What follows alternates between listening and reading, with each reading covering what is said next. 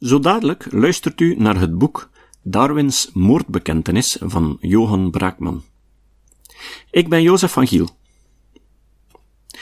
Johan Braakman, professor filosofie aan de Universiteit van Gent, scepticus en kenner van de evolutietheorie, schreef dit boek in 2001.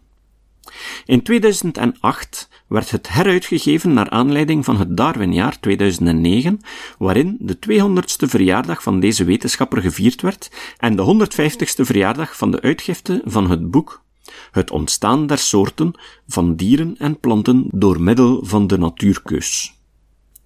Eerder las ik dat beroemde boek van Charles Darwin al in en sindsdien kan je het gratis als luisterboek downloaden op LibriVox.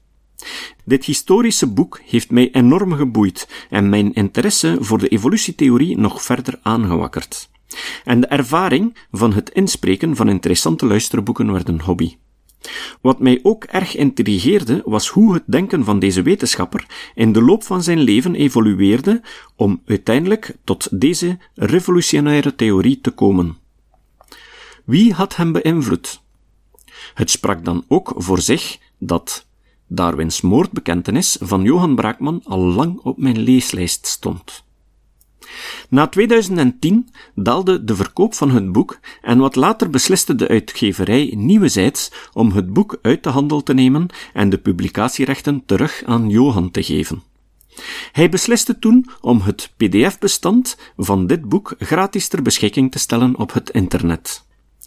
Op 24 april 2016 heb ik Johan gemaild met de vraag of ik het boek zou mogen inspreken en of hij aan de uitgeverij zou willen vragen of ze hiermee akkoord gaan. Ik kreeg heel snel antwoord. De dag erop antwoordde Johan mij al dat hij akkoord was en zelf de uitgeverij al gecontacteerd had. En nog een dag later kreeg ik de bevestiging van de uitgeverij. Ik ben toen aan de opname begonnen. Het gebeurt in mijn vrije tijd, wat verklaart waarom het zo lang duurt. Maar ik hoop dat het de moeite waard was en ik enkele luisteraars heb kunnen overtuigen hoe boeiend de wereld van de natuurlijke selectie is. Op het moment dat ik deze inleiding schrijf, is het al 15 maart 2017.